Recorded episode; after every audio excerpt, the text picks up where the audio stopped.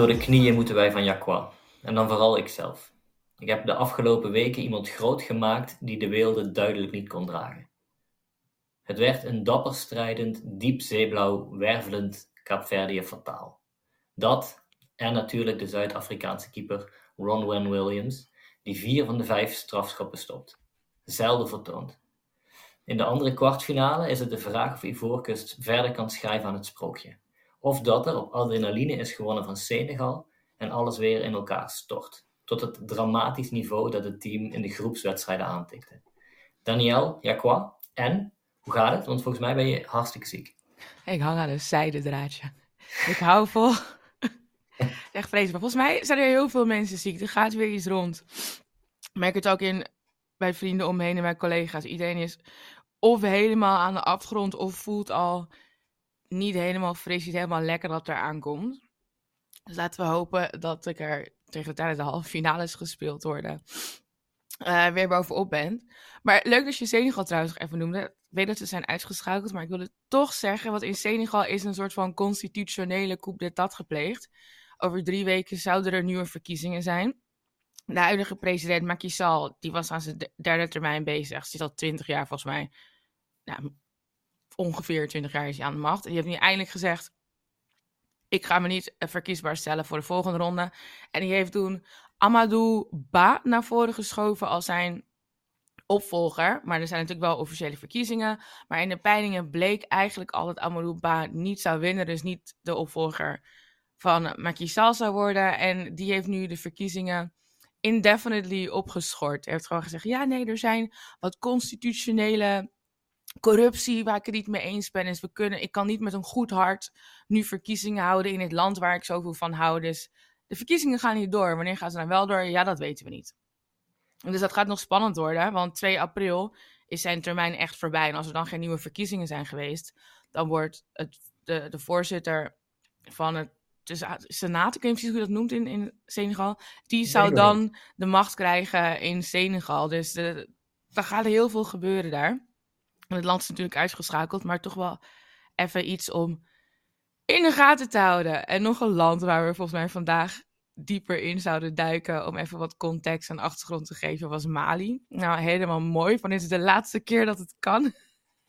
ja, uh, Ivoorkust Mali staat natuurlijk op het programma. En Mali Ivoorkust. Mali Ivoorkust.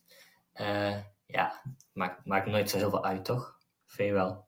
Wel qua outfits, wie speelt er? Ja, qua outfits maakt het. Als mensen, mensen heel erg op de outfit zitten, dan. Uh... Maar je kan inderdaad Ivorcus Mali zeggen, want obviously speelt Ivorcus thuis. Het hele stadion zat vol met Ivorianen. Zo voelde het voelde wel als een thuiswedstrijd. Um, ja, iets over Mali. Ik kwam erachter dat Mali uh, ontzettend veel woestijn heeft. Flink deel van de Sahara. Ontzettend groot land. En uh, we proberen altijd toch wat te vertellen over die landen, omdat er zoveel speelt, zoals je net al bij Senegal aangaf. Senegal Mali... is wel echt een uitzondering trouwens in West-Afrika als in, qua militair ingrijpen. Ja. Het is daar altijd vrij, tussen aanhalingstekens democratisch gegaan. In tegenstelling bijvoorbeeld tot Mali. Ja, want Mali heeft burgeroorlog en staatsgrepen achter de rug. Uh, het leger heeft daar ook momenteel de leiding. Deze week is Mali samen met um, volgens mij Niger en nog een land teruggetreden uit de economische samenwerking van West-Afrikaanse landen. Dat is afgelopen week gebeurd. Dat is een beetje de Europese Unie, denk ik. Um, maar dan van een, een, deel van het continent. Het land wordt nu geleid... Burkina Faso en Niger, inderdaad. Ja, de het land wordt nu allemaal militaire uh, overheden. Het land wordt nu geleid door een kolonel.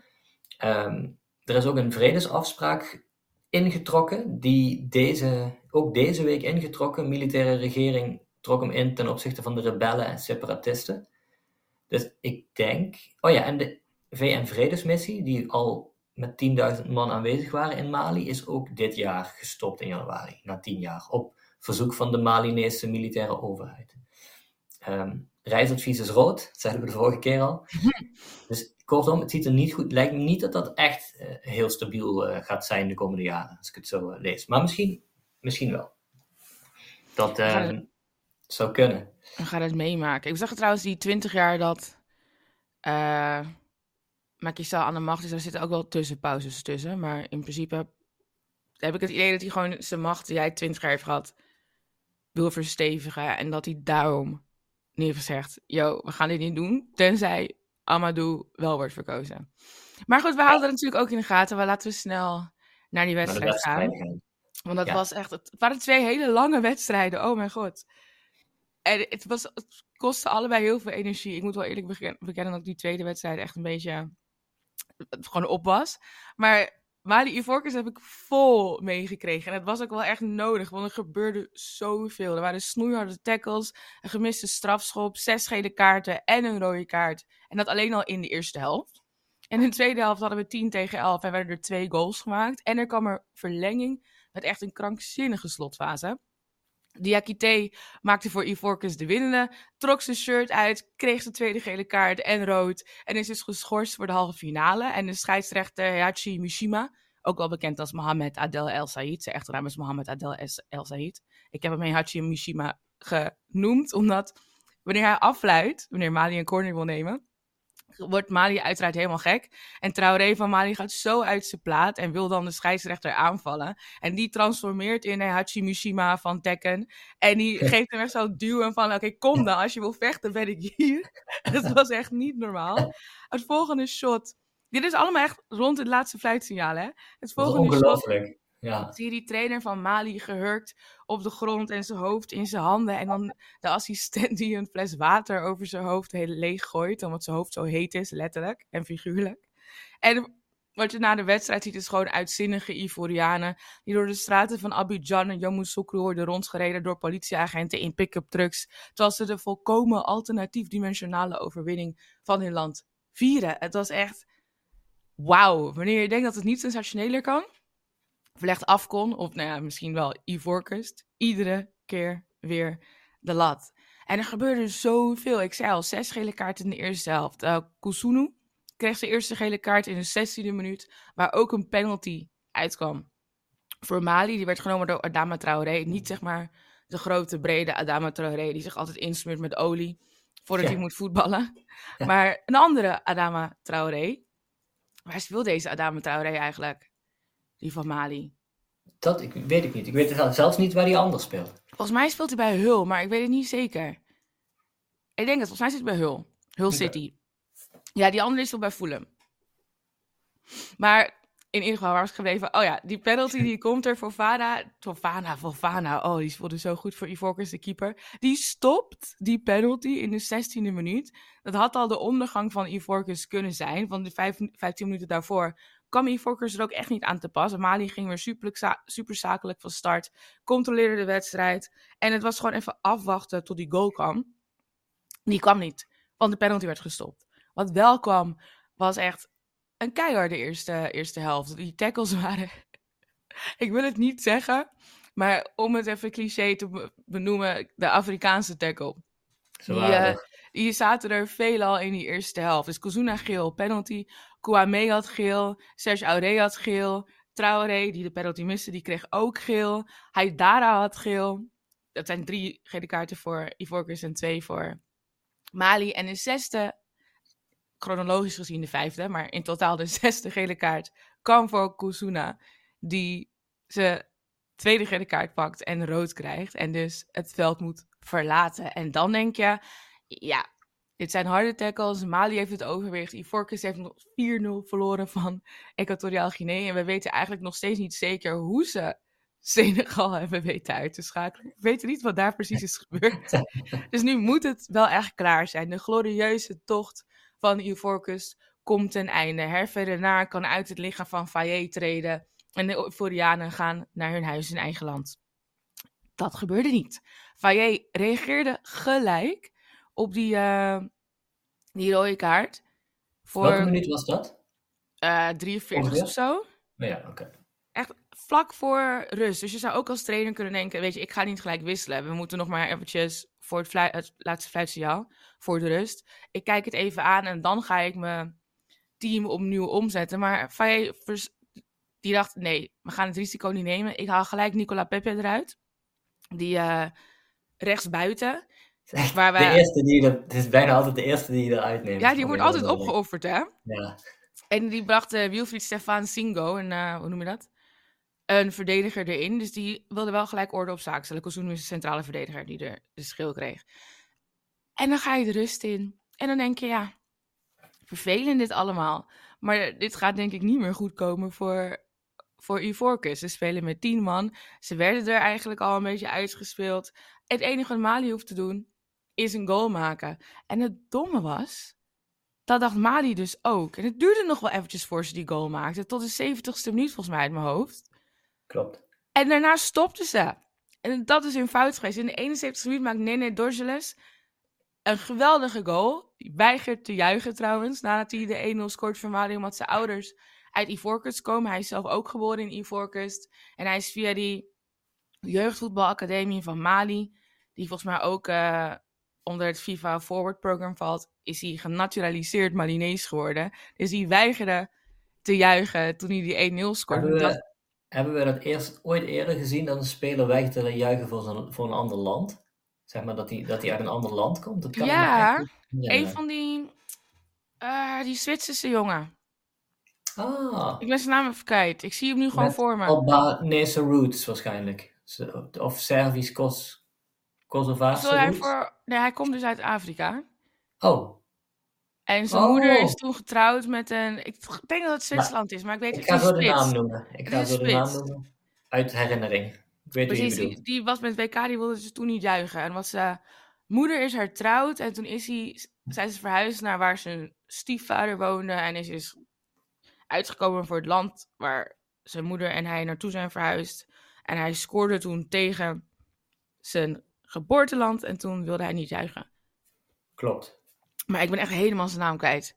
Nee, ik ga het even Volgens mij heb ik de landen ook niet helemaal maar- Hm? Volgens mij heb ik de landen ook niet helemaal goed. Maar ik weet zeker dat iemand die luistert nu gelijk weet wie ik bedoel. Maar ja, nee, nee, die wilde dus gewoon niet juichen. En wat er hier dus gebeurde, en dat is echt insane. Eh, Mali wilde de wedstrijd uitcontroleren. Die ging, Bril gingen- en Bolo. Juist, en Bolo. Welke landen waren het? Zwitserland, dat weet ik. De rest heb ik niet kunnen vinden nog. Maar ja, die dus. Het is nou nu Lele... Wow, Lele. Nee, nee, Dorgeles. Cameroen. Oh, Cameroen. Uiteraard Cameroen. Het zal alle drama's zijn bij Cameroen. Want ik weet nog dat zijn moeder heel boos was geworden. Want Cameroen-fans gingen hem toen ook bedreigen of lastigvallen. Het was zijn moeder heel boos geworden van... ja, het is allemaal kut geregeld bij die bond daar. En wij moesten geld betalen aan de bond... als we wilden dat hij zou spelen voor Cameroen. En in Zwitserland is hij groot geworden. Zwit- Zwitserland heeft hem opgeleid. sluit heel mooi aan bij het Matip-verhaal wat we eerder vertelden. Over Matip die niet meer voor Cameroen wilde spelen. Ja, en dat geeft me aan uit hoe... Waarom het zo'n zo'n magere generatie is. Deze jongens hadden daar kunnen spelen. Precies dat inderdaad. Eh, waar was ik gebleven? Ik weet het even niet meer. Oh ja, Mali wilde de wedstrijd uitcontroleren. Die gingen niet meer voor de goal. Die gingen voor eh, ja, controle en bal heen en weer spelen. En geen fouten meer proberen te maken. We staan toch maar tegen tien man. En we weten allemaal wat er gebeurt als je die gedachte gaat krijgen. Van, oh, 1-0 is genoeg. We gaan dit nu zo uitspelen. Je kan het niet zo uitspelen. Want Italië de... kan dat wel, hè? Ja, Wie? alleen Italië kan dat. Ja, maar Ivorcus is meer het Italië geworden. Ja, Die, die bleven loeren en wachten op de counter en zeg maar de mooie momenten om er iets aan te doen. En toen was daar uiteindelijk in de laatste minuut van de blessuretijd, Roma, de laatste minuut van de blessuretijd, ik was al helemaal van, oké, dit is klaar, ik kan naar bed. Ik moest plassen en ik dacht, ik kan nu naar het toilet gaan tussen Mali Ivorcus en Ajax PSV. En Ivorcus was like, nee trut, jij gaat in je broek pissen, want wij gaan verlengen. Er was niet normaal. Een Simon Adingra van Brighton. Simon Adingra van Brighton. Die maakt er 1-1 van. In de allerlaatste minuut van de officiële speeltijd. En dan brandt het los. Hè, want er komen natuurlijk ook gewoon nog. Komt nog blessuretijd bij. Fofana die krijgt nog geel. En het is helemaal gek. En je houdt je hart vast. En je weet niet wat er gebeurt. Want Mali dacht opeens. Oh my god. We verliezen dit. We moeten nu die 2-1 erin knallen. En toen verloren ze eigenlijk helemaal hun, ehm, hoe noemen we dat, hun composure. Ehm, ja, is moeilijk om te vertalen, denk ik zelfs. jullie weten wat ik bedoel. They lost their composure en toen werd het gewoon wild. Het werd wild. En het was niet meer het controlerende Mali wat, wat we kennen, dat solide is en dat degelijk is. En dat altijd zonder al te veel problemen toch weet te winnen. Dit was paniek, het was chaos.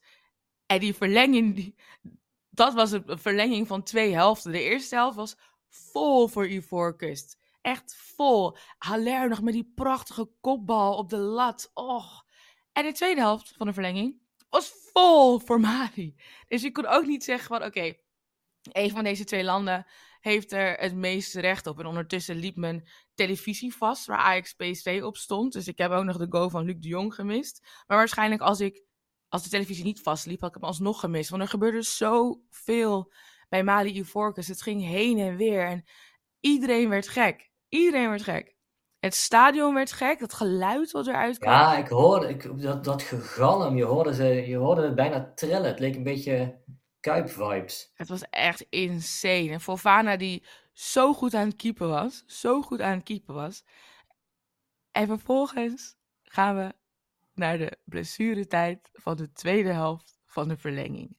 Wanneer je eigenlijk al hebt neergelegd bij, uh, bij penalties en denkt, hmm, als het penalties worden en met hoeveel Fana heeft gekiept en natuurlijk de eerdere penaltyreeks tegen Senegal in het achterhoofd, zal Ivorcus het waarschijnlijk wel halen. Maar niemand houdt nu rekening wat er gebeurt in de 122ste minuut van die wedstrijd. Dat is Omar Diakite, of Umar Diakite, denk ik.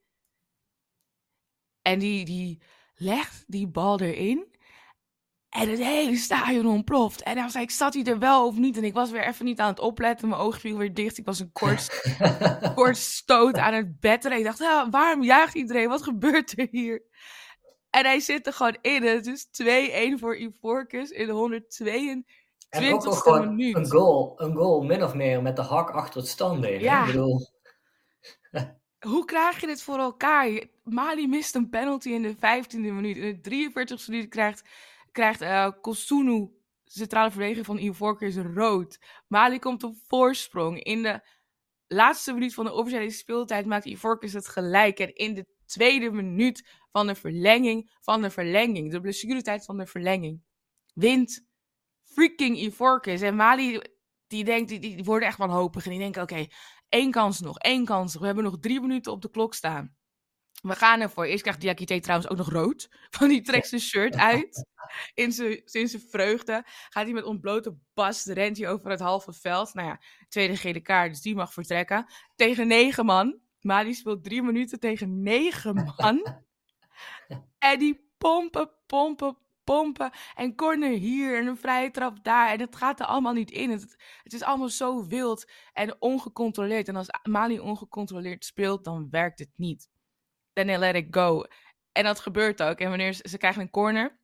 En die wordt weer over de achtlijn gebonjourd door een speler van Ivorcus. Dus daar komt nog een corner uit. En Hayachi Mishima Mohamed Adel El Said fluit gewoon af. Voordat Mali die tweede corner kan nemen. Je fluit gewoon af voor wedstrijd gespeeld. Terwijl Mali een tweede corner wil nemen. Maar het was ook wel altijd echt tijd, toch? Die eerste corner was het altijd. Hij had sowieso, nadat die eerste corner was genomen, had hij gewoon moeten fluiten. Hij had gewoon eerder moeten fluiten. Maar hij liet ze gaan staan om die corner te nemen. Ja. En toen floot hij af. Het is bijna net zo sadistisch als die scheids bij Marokko. Tweede gele kaart voor Amrabat. Oh, ik ga VAR kijken. Oh, kom maar terug. Hier heb je je rode kaart. je geeft ze een sprankje hoop. Ja. Om ze dan alles af te nemen. Ja. Dus Traoré helemaal gek. Wil op de vuist inderdaad met die scheids die hard van zich afbijt. En uh, zoveel beelden. Gewoon die twee minuten na het laatste fluitsignaal zijn gewoon een surrealistische roman. Die een van de grote meesterschrijvers van het Afrikaanse continent nog een keer op papier moet zetten. Want er gebeurde zoveel. Ik heb dat filmpje. Oh, ik begin, ik begin niet instorten. Dat filmpje heb ik vanochtend nog een paar keer teruggekeken. Het is echt niet normaal. En ik zeg jullie allemaal, ga jullie Frans bijspijkeren. Want Congo tegen Ivoorkust, allebei met een Frans koloniaal verleden, die elkaar naar de keel staan. Ga je Frans bijspijkeren en hou Twitter de France in de gaten, want dit gaat gekkenhuis worden woensdag. Echt een gekkenhuis. Oké, dit was mijn laatste stukje energie. ja, je, kan, je kan heel even achterin. Ik wilde je nog een vraag stellen over Haller, maar daar ga ik geen vraag van maken. Daar ga ik gewoon zelf een antwoord meteen op geven ook. Uh, ik denk dat als Haller wat langer kan spelen, want volgens mij valt hij steeds in, dat het heel belangrijk wordt, zodat ze een kapstok hebben. Want volgens mij... Haller, hij scoort niet, maar net als Osimhen doet hij gewoon heel veel. En vooral de... Sorry. Vooral deze wedstrijd telde hij echt voor twee personen. Het voelde bijna alsof vooral dan in, de verlenging, alsof Ivorcus gewoon weer met de elf man speelde. Maar Haller gewoon zoveel werk verzetten. Ja. Krijgt ook wel heel veel kritiek en haat, want hij scoort niet. Maar hij doet zoveel onzichtbaar werk. Het is de Osimhen, de Henderson, de Hallers. Die moeten we koesteren, in de woorden van. Nee, ik, ik, hoop dat hij speelt. Ehm, en we hadden net nog feitjes uit Mali, maar ik heb ook nog literatuur uit Mali meegenomen. En gelukkig kunnen we die alsnog nu bespreken. Uh, dat is trouwens heel grappig. Want eigenlijk wilde Roman een andere roman voorbereiden. Een uh, Kaapverdische. Toch? Klopt. Maar daar bol.com wilde niet helemaal meewerken. Tenminste, de technologie achter Bol.com en Kobo wilde niet meewerken. Ja. En toen zijn we geschoven naar Mali. Maar deze zou eigenlijk later komen. Dus maar goed. Dat we het geschoven hebben. Sorry voor Kaapverdië, want dat is ook een, een, een, tragedie. Maar heel fijn dat we alsnog dit geweldige boek van een Malinese schrijver kunnen bespreken. Ja, het gaat over de onvermijdelijkheid van geweld van Jambo Wologam. En je schrijft het als Uologwem. Dus ik heb de uitspraak geleerd van iemand op YouTube. Ik hoop dat die het wist. Wologam. How to pronounce. Uh, vertaald door Martine Wout en Gertrude Maas. Moeten we er toch bij gaan zeggen vanaf nu, denk ik. En ik hoorde voor het eerst van dit boek, omdat er twee jaar geleden in Frankrijk van een Franse Senegalese schrijver, Mohamed Mbougar Sar, um, de diepst verborgen herinnering van de mens uitkwam. En die won allemaal prijzen. En dat boek gaat, in dat boek gaat de, de hoofdpersoon op zoek naar een schrijver. Een, een, Dit boek zit in dat boek, toch? Sorry? Dit boek zit in dat boek, toch? Nee. Niet? Nee, ik zal, het, ik zal het goed uitleggen. Je hebt, um, in 1968 verscheen deze onvermijdelijkheid van geweld. Um, en dat boek, het, de, de titel is um, in het Frans... Le devoir de, de, de, violence. de violence. En dat betekent eigenlijk de plicht tot geweld. Maar hij is dus anders vertaald. Dat is wel interessant waarom. Maar, dat, maar in ieder geval, het boek kwam uit in 68. En die schrijver kreeg heel veel lof. Um, want hij schreef heel anders dan tot dan toe over de, de kolonialiteit en over Afrika. Uh, maar na die enorme lof viel hij eigenlijk van zijn voetstuk, omdat mensen begonnen te zeggen dat hij plagiaat had gepleegd. Hij had stukken van Graham Greene en van uh, Flaubert gebruikt. En op die manier zijn ze er langzaam, is hij eigenlijk van zijn voetstuk gesukkeld. Toen is dat boek in de vergetelheid geraakt en die schrijver heeft nooit meer een boek geschreven. Dus hij is verdwenen in Mali. En in dat Franse boek gaat van Sar, gaat hij op zoek. Sar gaat, de hoofdpersoon in Sar, gaat op zoek naar die schrijver. Dus het boek speelt een. Ja, ja dus dat boek rol. zit in, in het boek.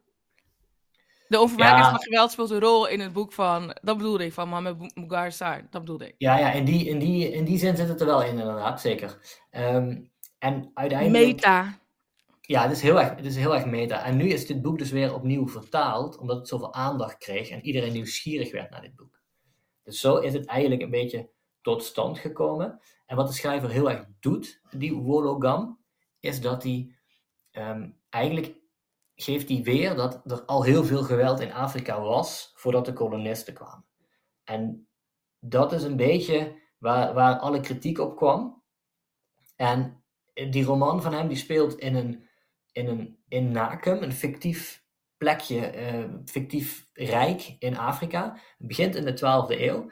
En eigenlijk volgen we acht eeuwen lang de inwoners van dat rijk, die onder een alleenheerser worden onthoofd, verkracht, uh, in brand gezet. Er wordt gemarteld, er wordt, uh, zijn vrouwenbesnijdenissen en uh, er worden geregisseerde slangenbeten um, uitgevoerd op mensen. Dus ik kan me er wel iets bij voorstellen hoe dat eruit ziet.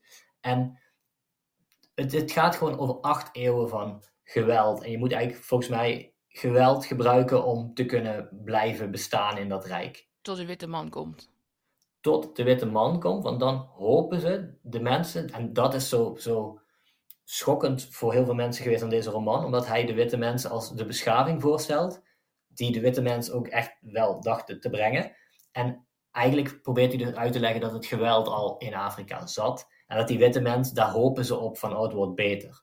Nou ja, het wordt natuurlijk ook niet... Maar dat hebben we natuurlijk ook in Europa gehad. Toen er nog geen natievorming was en alleen maar kleine stammen waren. Germaanse stammen die met elkaar vochten. En die vrouwen van het buurdorp ontvoerden. Tuurlijk. Mochten er, zeg maar, witte supremacisten luisteren naar deze podcast, moet je hier vooral niet je gelijk uithalen. Dat is niet wat dit boek bedoelt. het is wel echt een prachtige inkijk. Ik heb erover gelezen, inderdaad. En een paar passages. Het is wel echt een heel intens en eerlijk boek. En maar ik snap tegelijkertijd de kritiek die erop kwam. Omdat die gewoon voor nevareuze doeleinden gebruikt kan worden. Die snap ik ook wel. Ja, dus, dus het is goed dat je die context schetst. Uh, maar wat die Jambo en wat wij ook zo mooi vinden, is dat de schrijver ook weer heel veel volksgeloof en legendes door zijn vertelling weeft. En oude verhalen van, uh, van slaven en uh, liefdesverhalen. En dat zit, er, dat zit er allemaal in. En ik ga niet vertellen hoe de Franse roman afloopt, die hier dus over is verschenen. Die, eigenlijk zou Thomas Herman van Vos daar ook over vertellen in deze podcast. Maar ja, Senegal is uitgeschakeld, dus... Misschien kan Thomas er iets over vertellen tijdens de Frans, bij de Franse derby tussen Ivoorkust en Congo. Hebben we toch nog een lichte link met Frankrijk. Misschien, misschien, misschien kunnen, we die nog, kunnen we die nog erbij halen als uh, Thomas dat wil doen. Um, nou, in ieder geval, dat is het boek. Dus um, uh, de onvermijdelijkheid van geweld. Ik vind die titel sowieso ook heel mooi. Ja, het is... Uh, ook al is het niet helemaal correct vertaald. Maar de plicht van geweld en de onvermijdelijkheid van geweld. Ik vind de onvermijdelijkheid is net iets gelaagder en komt dichter bij de betekenis, denk ik. Ja, ik, ik, ik, ik zou het. In een andere podcast zouden we de, de vertalers bellen en vragen waarom het zo vertaald is. Um, maar ik denk ook dat het deels zo vertaald is omdat het zo is genoemd in die Franse roman. Door oh, die vertalers. En dan wil je dat natuurlijk. Maar goed, dat voert allemaal te ver. Hebben we het de volgende keer? Hebben we het niet meer over, maar doen we, kunnen we een keer over. Wat zijn dit voor leugens? de volgende keer over. Beloftes die we niet waarmaken. Volgende keer bij Jacqua over literatuur. Ik, ik, weet nog wel een belofte die niet is waargemaakt. Ja. Bebe. Goeie overstap. laten we daar even naartoe gaan. We gaan naar Kaapverdië.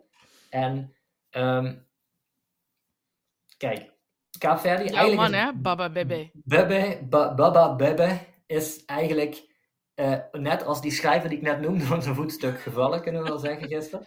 Um, ik heb een koosnaam speelde tegen Kaapverdië, lijkt voor heel. Wat zeg je? Hij speelde tegen dit, ja, dit, dit, was echt uh, dit was ongelooflijk. Ik, ik dacht nog, uh, want hij zat op de bank, hè? Mm. Dus ik dacht van, coach heeft besloten omdat het beter is om hem op de bank te zetten, omdat hij met snelle aanvallers wil spelen tegen, tegen dat, dat, uh, dat blok van Zuid-Afrika. En dat blok van Zuid-Afrika is ook echt een blok, want dat zijn vier verdedigers van hetzelfde team, van Sundowns. Mamelodi. Uh, Mamelodi Sundowns, inderdaad. Uh, waarvan weer in totaal zeven spelers opstonden, van de, ja, van de elf. Uh, dus weer... Acht, toch? Nee, zeven dit keer. Oh, wie was eruit? Dat weet ik niet. Want de vorige keer heb ik ze allemaal één voor één vergeleken. Ja. Daar heb ik dit keer geen tijd voor. Um, maar in ieder geval, ja, het is eentje minder dan tenzij de verslaggever fout heeft gemaakt. Dat kan natuurlijk. Um, en Zuid-Afrika stal mijn hart toen ze van Marokko wonnen, kan ik toch wel zeggen. Uh, vanaf toen heb ik toch ook gekozen om, om, ook zoals jij ook, heel makkelijk teams support die je her en der oppikt, zoals Congo en nou, Nigeria. Dus je hebt twee teams. Heb ik nu Zuid-Afrika. Nigeria is gewoon DNA, dat is mijn lot, hè? Dat kan ik niet ontsnappen. Niger. um, het was weer bloedheet. Het was 36 graden. Uh, in, uh, terwijl het een avondwedstrijd was. Het, uh, het, stadion begon wat leeg. Maar naarmate het 20 minuutjes of zo kwamen de mensen binnen. En jij had een goede theorie. Je was toen nog een beetje wakker. Ja, maar ik denk dat die wedstrijd uh, Mali-Ivoorkust is natuurlijk gewoon heel laat geëindigd. We zijn in Ivoorkust. De meeste mensen die daar zitten zijn Ivorianen. Die wilden natuurlijk eerst gewoon die wedstrijd waar ze ook waren afkijken voordat ze naar het stadion trokken. Tenminste, dat is mijn theorie. De theorie van de commentator van Ziggo was dat ze de poorten hadden geopend en gratis toegang verschaft aan iedereen. Maar ik denk gewoon, eerst even Ivoorkust afgekeken, snel wat eten en dan door naar, naar uh, Zuid-Afrika. Klopt, want uh, de mensen waren ook allemaal in het, in het oranje gekleed. Dus het zag eruit alsof ze inderdaad al naar Ivoorkust waren gaan kijken eerst. Ehm, nou, Zuid-Afrika stond best wel hoog met, met vijf man voorin, viel me op. Uh, ja, alleen uh, Sitola bleef achter. Nou ja, achter. Die was minder ver ja. omhoog, maar, die stond ook niet laag of zo hoor. Nee, ik, ik vond het, maar uiteindelijk kwam er niet zo gek veel, veel uit. Uh, ik was weer vooral aan het kijken bij gebrek aan, aan mijn, mijn, mijn, mijn bebe. Bebe, ik ga die naam ook nooit meer, maar ik ga hem hierna ook nooit meer hoeven uitspreken, dus dat is mooi. um, Ik heb wel weer veel gelet op Ryan Mendes, die weer overal was. Uh, vorige keer hypte, hypte ik hem omdat hij zo ontzettend goed was. Uh, Dit is jouw schuld dus, hè, Roman? Het, het spel van, van BB is jouw schuld. Van die merkte dat jij ging letten op Ryan Mendes. Dan dat jij bijdraaide. En dat Mendes jouw favoriete speler werd. En dat hij het ging afleggen. En daarom heeft hij met zijn dikke bolle haaienbuik Mendes opgepeuzeld om erin te komen. En vervolgens ging hij in zijn eentje op zoek naar ja, die fenomenale goal. Loop daar nog niet op vooruit. Loop daar you did this. Je hebt het gejinxed voor Caverdië. Ik, ik, ben in de intro van, van deze podcast al diep door de knieën gegaan dat ik dit, dit monster heb gecreëerd. Uh, ik, neem, ik ga hem ook weer vermoorden in deze... ik neem hem ook weer van de wereld af, zeg maar, het monster. Um, Maar uh, trouwens, als Zuid-Afrika zou winnen, ook wel interessant, dan gingen, de, uh, dan gingen juist al die teams die nog niet zo ver waren gekomen eerder in afkom, zouden er ook weer uit zijn. Want zeg maar, al de teams die nu uiteindelijk doorgaan, hebben dus daadwerkelijk al de Afrika Cup gewonnen een keer. En alle vier dus, die ze hebben uitgeschakeld, hadden nog nooit ja. de Afrika Cup gewonnen. Dus balance is restored, zou je denk ik kunnen zeggen. Uh, we zijn weer. Daar hebben wij hard voor gewerkt de afgelopen 14 afleveringen. Ja, we, hebben dat zeker gedaan. Uh, ik vond Kaapverdi best wel weer fris, uh, lekker snel. Ryan Mendes scoorde bijna, had een kans. Um, uiteindelijk eindigde de eerste helft, die toch wel weer een beetje eerste helftachtig was, vond ik. qua dat er niet zo gek veel gebeurde. Um, eindigde met een soort van curieuze vechtpartij. Um, waarbij, waar, waarbij die touw iemand tegen het strottenhoofd tikte of zo. Maar het was een heel vreemd moment, want het escaleerde eventjes. Maar eigenlijk waren heel veel mensen het lachen terwijl ze een beetje een duo waren. Het dus... was de meest gemoedelijke vechtpartij die ik ooit heb gezien. Ja, want ook op, op, de, op de, de, uh, de coach van Zuid-Afrika deed het een beetje na bij de, bij de scheidsrechter, bij de, bij de vierde scheidsrechter. Die vond het eigenlijk ook wel grappig lijken. Iedereen was, vond het wel van, ja, oké, okay, er was was een beetje ongelukkig of zo. En kwam ook, werd ook niet bestraft, volgens mij geen gele kaart gevallen. Um, kwartfinales lopen wat op. Uh, denk ik, de spanning loopt wat op. Scheids deed het heerlijk. Scheids deed het echt heerlijk. De hele tijd het lachen. Ik heb nog wel een theorie over de scheids, maar die scheidsen in algemene zin. Maar daar kom ik op terug volgende keer. Um, oh, ga je hier echt terug op komen de volgende keer? Ja, ga ik op terugkomen. Ja. Dan maak ik een notitie gelijk. Ja, doe dat. Doe dat. Nou, de scheids trouwens ja. was een Congolees. Ja. Nou, Jean-Jacques Ngambo Ndala. En dan moet ik gelijk denken aan een Gando. Hij heet een Gambo en Gando is dan... Maar je snapt wat ik bedoel. Ik Alles is rond hier. Ik vond het een, vond het een erg charmante man. Uh, nou, uiteindelijk gaat Ryan Mendes eruit in de iets van 62e minuut. En niemand begrijpt waarom. Niemand begrijpt waarom. Ik heb het geprobeerd te googlen, op Twitter gekeken. Natuurlijk iedereen boos. Maar echt een goed verhaal kwam er niet. Ik kan me niet voorstellen dat je je, je kapitein, en echt, echt een man die overal is, dat je er, die eruit haalt als zou die slecht spelen, wat hij ook niet echt deed. Um, ik zou denken dat hij geblesseerd is, maar ik heb geen bewijs gevonden daarvoor. Nee, het was gewoon puur om BB in te kunnen brengen. Ja, BB kwam dus gelukkig pas 10 minuten later. Um, en BB kwam eerst nog wel met een soort van hij toverde op de flank, hij deed een paar scharen en toen gaf hij een heel slim assistje door de benen van de verdediger op de man in de 16. En die deed er toen iets ongelukkigs mee. Dat was het moment dat Bubba BB dacht, nu is het klaar. En toen begon de Meltdown Show. Uh, Bubba BB Meltdown Show. show. Um, die ongeveer 40 minuten duurde. En ik denk dat, dat wij lachen erom, maar ik denk dat Kaapverdianen echt woedend zijn geworden. Um, Boularus was ook woedend. Ja, ik heb het gezien. En, maar die BB die begon uit, uit alle hoeken op. Eerst was er een vrije trap op een plek helemaal aan de zijkant dat je denkt. ja, het slaat nergens op, niet op doel schieten. Ik weet dat je een goed schot denkt te hebben, maar doe het maar niet. Nou, deed hij dus wel. Dan schoot hij gewoon heel dom in het zijnet. Daarna schoot hij een keer vanaf de achterlijn, terwijl er gewoon mensen voor de goal stonden, schoot hij moedwillig op doel.